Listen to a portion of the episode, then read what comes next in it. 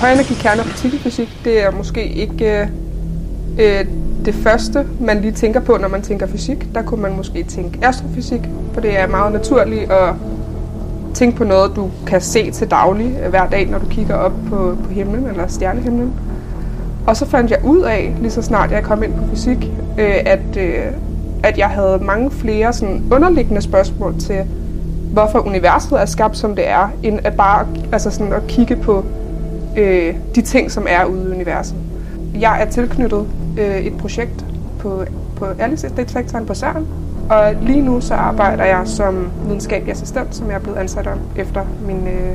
min kandidat afsluttet. Som jeg laver i mit arbejde nu, og også det, som jeg faktisk lavede som studerende, det var at øh, designe en detektor, som skal installeres i Alice-detektoren på CERN